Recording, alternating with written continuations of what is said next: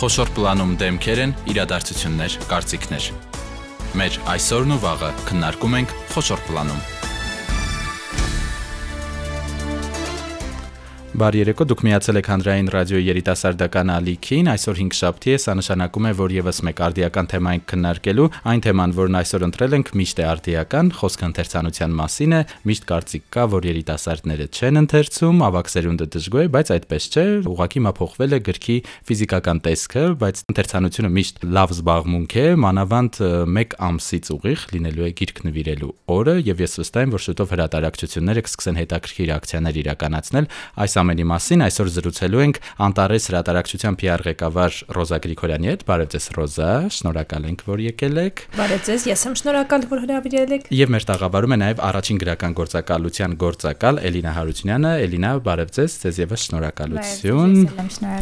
Ռոզա, սկսենք նրանից, որ ընթերցանություն եւ գրքի տպագրությունը կարելի ասել միակ ոլորտներից էր, որը շահեց կ ូវ իդի արդյունքում նույն պատկերն է նաև Հայաստանում մարդիկ ավելի շատ սկսեցին կարդալ։ Այո, COVID-ի հետևանքով մարդիկ հայտնվեցին տանը առանց որևէ զբաղմունքի եւ սկսեցին գրքեր կարդալ, գրքեր, որոնք գտնվում էին իրենց գրապարահարաններում, գրքեր էին պատվիրում, որովհետեւ այդ շրջանում առաքումները շատ ակտիվ գործում էին եւ փաստացի ունենք բավականին մեծ աճ, այսինքն նույն COVID-յան եւ պատերազմական տարին չենք կարող համարել անկումնային վաճառքների տեսանկյունից, ընդհակառակը կարող ենք համարել, որ այդ ընթացքում բավականին վաճառքներ են գեներացվել։ Նաև նշեմ, որ պատերազմական շրջանում եւ պատերազմից հետո ավելի շատ պատմավեպեր են սկսել կարդալ եւ հայրենասիրական գրականությունն է վաճառքների թվով մեծ աճ ապրել, ինչն էլ ավելի կարեւոր է, որ մարդիկ սկսել են կարևորել նմանատիպ գրականության ընթերցումը նույնպես։ Շատ լավ, Էլինա, ձեր գործակալությունը զբաղվում է հայ հեղինակների թարգմանական գործով արտասահմանում։ Հետաքրքիր է դրսում էլ է նման պատկեր, օրինակ աճել է հետաքրքրությունը գրքի հանդեպ, ենթադրում եմ ունեցած ձեր տվյալներով, թե ինչքան հեղինակի գիրք է վաճառվել հայ դրսում, կարող եք ինչ-որ եզրակացություններ անել։ Ինչպես Հայաստանում, այնպես էլ արտասահմանում աճել է այդ գրքի պահանջարկը ու հիմնականում այս վերջին տարիներին արտասահմանյան հրատարակիչների մոտ մեծ հետաքրքրություն է առաջացել հենց հայ գրականության վերաբերյալ ու մենք անցած տարիներին ունեցել ենք մոտ 10 գիրք թարգմանված եւ հրատարակված օտար լեզուներով եւ այս գիրք եղել են ամենամեծ թվով հաջողությունները, քանի որ մենք կնքել ենք ամենաշատ թվով պայմանագրերը ու ապագայում 26 հայ գրականության գիրք կթարգմանվի եւ լույս կտեսնի օտար երկրներում։ Հետաքրքիր է, որ երկրներն են եւ որ հեղինակներն են։ Միշտ տպավորություն է, որ մեր հեղինակներին Հայաստանում են քիչ ճանաչում, ուր մնաց դրսում, բայց աստորեն 24 գիրք ասացիք։ Հայաստանում այդպես կարծրատիպ կա, որ քիչ են ճանաչում գրողներին, բայց այս վերջին տարիներին հենց Հայաստանում էլ աճել է հետաքրքրությունը հայ գրականության նկատմամբ ու հենց հայ գրողների ու հիմնականում ամենապահանջված հայ գրողները արտասահմանում Գուրգեն Խանջյանը, Հովիկ Կաֆյանը, Գրիգը եւ այն հեղինակներն են, որոնք ինչ որ կարևոր մրցանակների են արժանացել, օրինակ Գրիգը նախագահի մրցանակի, Խանջյանը Հայաստանի պետական մրցանակի ու հենց այս այս գրողներն են, որ արտասահմանյան հրատարակիչների մոտ մեծ պահանջարկ են ձեռք բերում ու դա ավելի հեշտացնում է մեր գործը եւ մենք ավելի լավ են կարողանում ներկայացնել իրենց հենց արտասահմանում։ Ռոզա դուք որպես հրատարակչության ներկայացուցիչ հրատարակչությունն է որոշում, որ գրքերը ներկայացնել այս ծրագրում, որ թարգմանվի դրսում, թե սա հեղինակի գործն է, ինչ կապ կա ձեր հետ։ Բնականաբար հրատարակչությունը ներկայացնում է իր հեղինակների գործերը գրական գործակալությանը եւ գրական գործակալությունը ուսումնասիրում է եւ դիտարկում է Եվ եթե թույլ տաք հավելեմ նաև այս առումով, որ եթե վերջին տարվա 2021 թվականի ցուցանիշները նայենք վաճառքի տվյալների, ի ուրախություն մեզ հայ հեղինակները նույնքան պահանջված են եւ երբեմն նաև ավելի շատ են իրենց վաճառքները, քան գեղարվեստական, թարգմանական տարբեր հեղինակների գործերը, օրինակ կարող եմ նշել, որ Արտավազդ Եղիազարյանի վիշապակարի գաղտնիքը, Հուսիկարան եւ Հովիկաֆյանը երեք հեղինակները ամենապահանջվածն են եղել 2021-ի ընթացքում եւ նույնիսկ գրքեր կան, որ վաճառքների առումով գերազանցել են այլ արտասահմանցի հեղինակների ստեղծագործությունների վաճառքը, ինչը մեզ չափից դուրս ողջևորում է, որովհետև հայ հեղինակներին կարդում են, սիրում են եւ իրենք արդեն ճանաչում ունեն։ Մեր տաղավարում դուք բերել եք գրքեր, որոնք արդեն թարգմանված են, ինչ գրքեր են այստեղ ու ինչ լեզուներով։ Տեսեք, ամենաշատ գրքերը, որ թարգմանվում են օտար լեզուներով, դա գերմաներեն է, նեպալերեն, ռումիներեն, ալբաներեն, այդ լեզուներն են, եւ ես մի քանի գրքերի օրինակներ եմ բերել, օրինակ Վարդան Գրիգորյանի հավերժական վերադարձը, որը պատմավեպ է թարգմանվել է ուկրաիներեն, Վահագն Գրիգորյանի ժամանակի գետ ռումիներեն, Գրիգի գիրքը Հիսուսի կատուն արդեն բոլորին շատ հայտնի, որ թարգմանվել է երկու լեզուներով արդեն անգլերեն,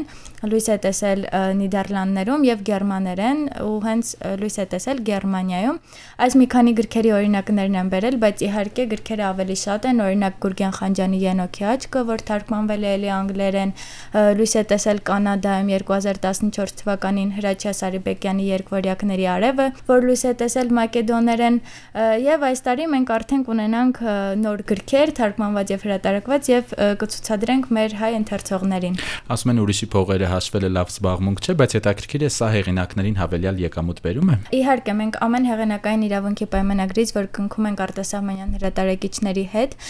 մենք ոչ մի ոչ թե ուղակի տալիս ենք այդ հեղինակային իրավունքը, այլ վաճառում ենք եւ հեղինակը արդեն ըստ գործակալի հետ կնքված պայմանագրի ստանում է իր տոկոսաբաժինը այդ հեղինակային իրավունքի պայմանագրից։ Ռոզա, Հայաստանում ինչ են կարդում։ Հայաստանում կարդում են ամեն ինչ միևնույն ժամանակ պահանջված են թե գեղարվեստական, թե non-fiction, թե մանկական, թե հայ հեղինակների ստեղծագործությունները, այսինքն կախված է սեգմենտից, սեգմենտ կա որ այս գիրքն է կարդում, սեգմենտ կա որ այն գիրքն է կարդում։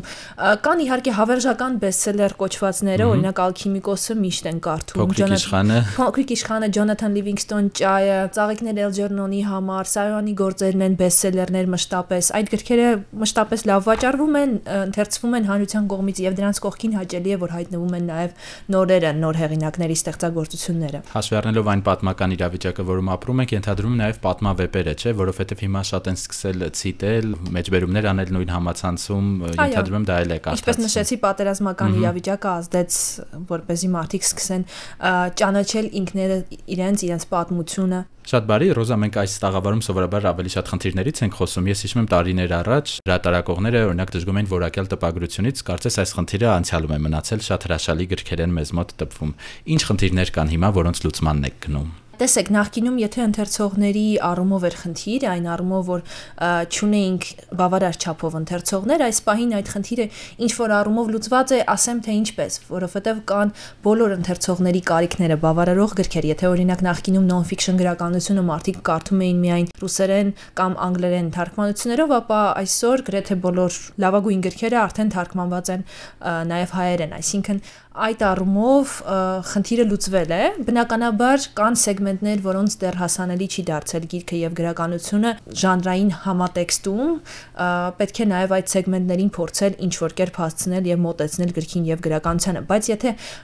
խոսենք 10 տարի առաջ կամ 15 տարի առաջ այն ժամանակ օրինակ տղան եթե գիրք կարդար դա ամոթ էր դպրոցում կամ չգիտեմ բագում եթե իմանային հիմա տենդենսը մի քիչ ավելի փոխվել է ավելի կարդացած մարդիկ ավելի լավ են գնահատվում հանրության կողմից այսինքն որքան կարդացած ես այնքան շատ հետաքրքիր զրուցակից ես եւ կարողանում ես ինչ որ կերպ տեսլականդ ներկայացնել գիտելիքները ի ցույց դնել եւ դա շատ կարեւոր է եւ մարդիկ սկսում են դա գիտակցել ել չեմ ասում գիրքը դարձել է լավ նվեր իհարկե եւ դրան նպաստել են նախ նպաստել նպաստել է գիրք նվիրելու օրը որպես տոն եւ այնքանով է լավ այդ տոնը, որ բացի գիրք նվիրելու օրվան, նաեւ ծննդյան առիթներին, նաեւ այլ, չգիտեմ, առիթների, մարտիրոքի, ամանորի, չգիտեմ, տոնական այլ իրադարձությունների դեպքում էլ են գիրք նվիրում եւ դա շատ-շատ հաճելի է եւ ուրախալի փաստ է, ողջևորվելով նաեւ գրքի տոնից հրատարակչությունները իրենք իրենց գրքի տոներն են անում, օրինակ Անտարեսը ամանորից երկու շաբաթ առաջ Անտարեսյան գրքատոնն է անում, 3 օր շարունակ աննախադեպ տոնավաճառ, աննախադեպ զեղչեր, մարդիկ այնքան շատ են գրախանութում լցվում, որ նույնիսկ շնչելու տեղ չի լինում ու դա շատ-շատ ոգևորիչ է բեսելերներ են դառնում բազում գրքեր ընդամենը 3 կամ 5 օրվա ընթացքում, որոնք տեղի են ունենում։ Եվ այդ օրերին նաև հանդիպումներ են լինում հայ հեղինակների հետ, նոր գրքերի շնորհանդեսներ, մարդիկ պարզապես գնալով գրախանութ կարող են խորհուրդ հարցնել իրենց սիրելի հեղինակից, թե ինչ կարող են կարդալ, ինչ կարող են գնել եւ դրանով էլ է մերձենում կապը գրքի գրականության եւ հեղինակի եւ հրատարակչության հետ ինչու ոչ։ Ես տարիներ առաջ հիշում եմ Անտարեսի մրցույթները, երբ պետք է ինչ-որ գրքի հրապարակում արվեր, որը ամենաշատ լայքի դեպքում նվերներ էին ստանում, շատ բուրըն արձագանք էր դա Facebook-յան հարթակում ստանում։ Հիմա գիտեմ, որ մի նոր բան է մտածվել եւ մի քանի հրատարակչությունների մասով գրքապտույտ տոնին ընթരാճ գլխապտույտ է առաջացնելու այս գրքապտույտը Ռոզա քննրի մանրամասնեք ինչ է լինելու։ Նախաձեռնությունը Armenpress պետական լրատվական գործակալությանն է, Armenpress պետական լրատվական գործակալությունը 5 խոշոր հրատարակչությունների հետ համագործակցությամբ այդ նախագիծն է իրականացնելու ամեն ուրբաթ օր։ Վաղը ուրբաթ օրը կարող եք Armenpress պետական գործակալության էջին հետևել եւ որոշակի կանոններ կան այդտեղ մրցույթային, պատասխանել հարցերի, որ เป զի կարողանաք գիրք որպես նվեր ստանալ 5 հրատարակչություններից, Անտարեսը նույնպես գրքեր է ներկայացրել, գրքապտույտ նախագծին եւ հաջողություն ենք մաղթում մեր ընթերցողներին եւ սիրով գրքերը կնվիրենք լավագույններին հրատարակչությունների կապը հիմա դուք ավելի մրցակցային հարաբերությունների մեջ եք թե գործընկերային, որովհետև ասում են, որ մշակութային կառույցները հրատարակությունները չպետք է մրցակցեն, այլ պետք է ավելի գերություն անեն, եթե 5-ով եք մասնակցում, կարծում եմ ավելի գործընկերային հարաբերություններ։ Բնականաբար ցանկացած ոլորտում կա եւ մրցակցություն եւ գործընկերություն, պետք է հիշեցնեմ 2020 թվականի մի սպանիր վաղվա գիրքը արշավը, աննախադեպ արշավ էր այն համատեքստում, որ Հայաստանի բոլոր հրատարակչությունները միավորվեցին ընդդեմ գրագողության, երբ որ PDF-ով սկանավորված գրքեր էին տարածում եւ եթե մենք բոլորս միավորվում ենք ինչ որ խնդիր լուծելու շուրջ, մենք հասնում ենք խնդրի լուծմանը, կարծում եմ։ Իսկ ամեն դեպքում ես կողմ եմ գործընկերությանը, բայց մրցակցությունը չի խանգարում։ Էլինա վերադառնալով թարգմանություններին, դասական գործերը թարգմանվում են։ Դասական գործերը էլի թարգմանվում են, բայց հիմա ավելի շատ պահանջարկը դեպի հայ ժամանակակից գրականությունն է ու հենց այս պահին մեր շեշտը դրա վրա է դրված։ Ավելի շատ հետաքրքրվում են արտասահմանյան հրատարակիչները ոչ այնքան դասական գրականությամբ, ոչ այնքան պատմավեպերով, ինչքան հենց այս հայ ժամանակակից արձակով եւ պոեզիայով նաեւ այդ պատճառով դեռ այս պահին մեր հիմնական մենք հիմնականում կենտրոնացած ենք ժամահայց հայ ժամանակակից գրողների նրանց գործունեության վրա Դե որովհետև մարդիկ ցանկանում են տեսնել այս պահին Հայաստանը ինչով է ապրում, ինչ իրավիճակում է Հայաստանի հետ կապված, չգիտեմ, ինչ տրամադրություններ են տիրում, միգուցե ինչ որ նկարագրություններ մեր երկրի հետ կապված, ամեն դեպքում մարդկանց հետաքրքիր է այն շարժը ինչ կա մեր երկրում։ Եվ բացի այդ ժամանակակից դասականներից շատերը այն հայտնի լեզուներով կարծում եմ թարգմանված կա, գոնե անգլերեն, ռուսերեն, պետք է որ ունենան։ Այո, ժամանակին թարգմանվել են, հիմա այդ պատճառով ժամանակակից գրականության վրա է շեշտը եւ նաեւ այսպես ասեմ, որ հայ գրական գրականությունը ինչ որտեղ նաև էկզոտիկ դեր է կատարում օտար երկրների համար, որովհետև նրանք այդքան լավ ծանոթ չեն մեր մշակույթին, գրականությանը եւ հայ ժամանակակից է հենց հնարավորությունը եւ մեթոդ է նրանց համար ավելի լավ ծանոթանալու մեր մտածելակերպին, մեր ապրելավոճին եւ այն երևույթներին, որոնք տիրում են մեր հասարակության մեջ։ Ռոզամի հարցել, ինչպես է որոշվում, որ գիրքը պետք է գա Հայաստան եւ թարգմանվի, որովհետեւ հաճախ լինում են շատ անհայտ հեղինակներ եւ ստեղծագործություններ եւ հաճախ լինում են սպասված գործեր։ Ինչպես եք դա որոշում։ Տեսեք, մեզ համար շատ կարևոր է այն արժեքը, թե ինչ բովանդակություն ունի տվյալ գիրքը,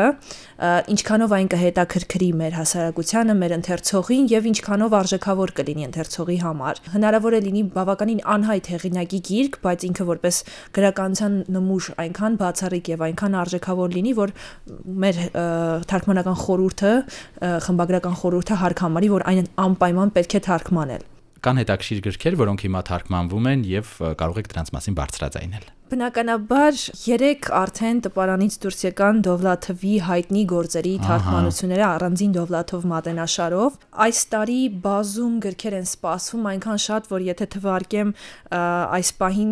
նույնիսկ եթերաժամանակը չի հերիքի, բայց առաջիկաները հիմա կներկայացնեմ։ Օրինակ առաջիկայում Սերվանտեսի Դոն Կիխոտն է սպասվում, որ լույս կտեսնի նոր վեբ Խավիեր Մարիասից, Շեքսպիրի շարքն ենք շարունակում, Ջոն Արքան ենք տպագրելու շատ շուտով։ Ռիչարդ Բրենսոնի երկկորցի կուսությունս գիրքը շուտով հայ ընթերցողի դատին կհանձնենք, ավարտին կհասցնենք նաև Գուրգեն Մահարու 17 հատորյակը, ինչպես նաև առանձին գրքերով լույս կտեսնի Մահարու ծաղկած փշալարերը, Չարենցի գիրք ճանապարհին եւ բազում-բազում թարգմանություններ նաև Բեմ մատենաշարից նոր գրքեր կլինեն Լեոնիդ Անդրեև, Բերթոլդ Բրեխտ եւ այլն։ Ցուցակը անսահման շատ է։ Մենք տարեկան 100-ից ավելի գիրք ենք մշտապես հրատարակում 2021 թվականին 128 գիրք է լույս ծայել Անտարես հրատարակչությունը, քանի գնում ավելանում է թվերը։ Եվ Ռոզա հետաքրքիր ժամանակակից գրողների մասով իրենք են ձեզ գտնում, որ օրինակ ձեր հրատարակությունը դա տպագրի, թե դուք եք իրենց գտնում ինչ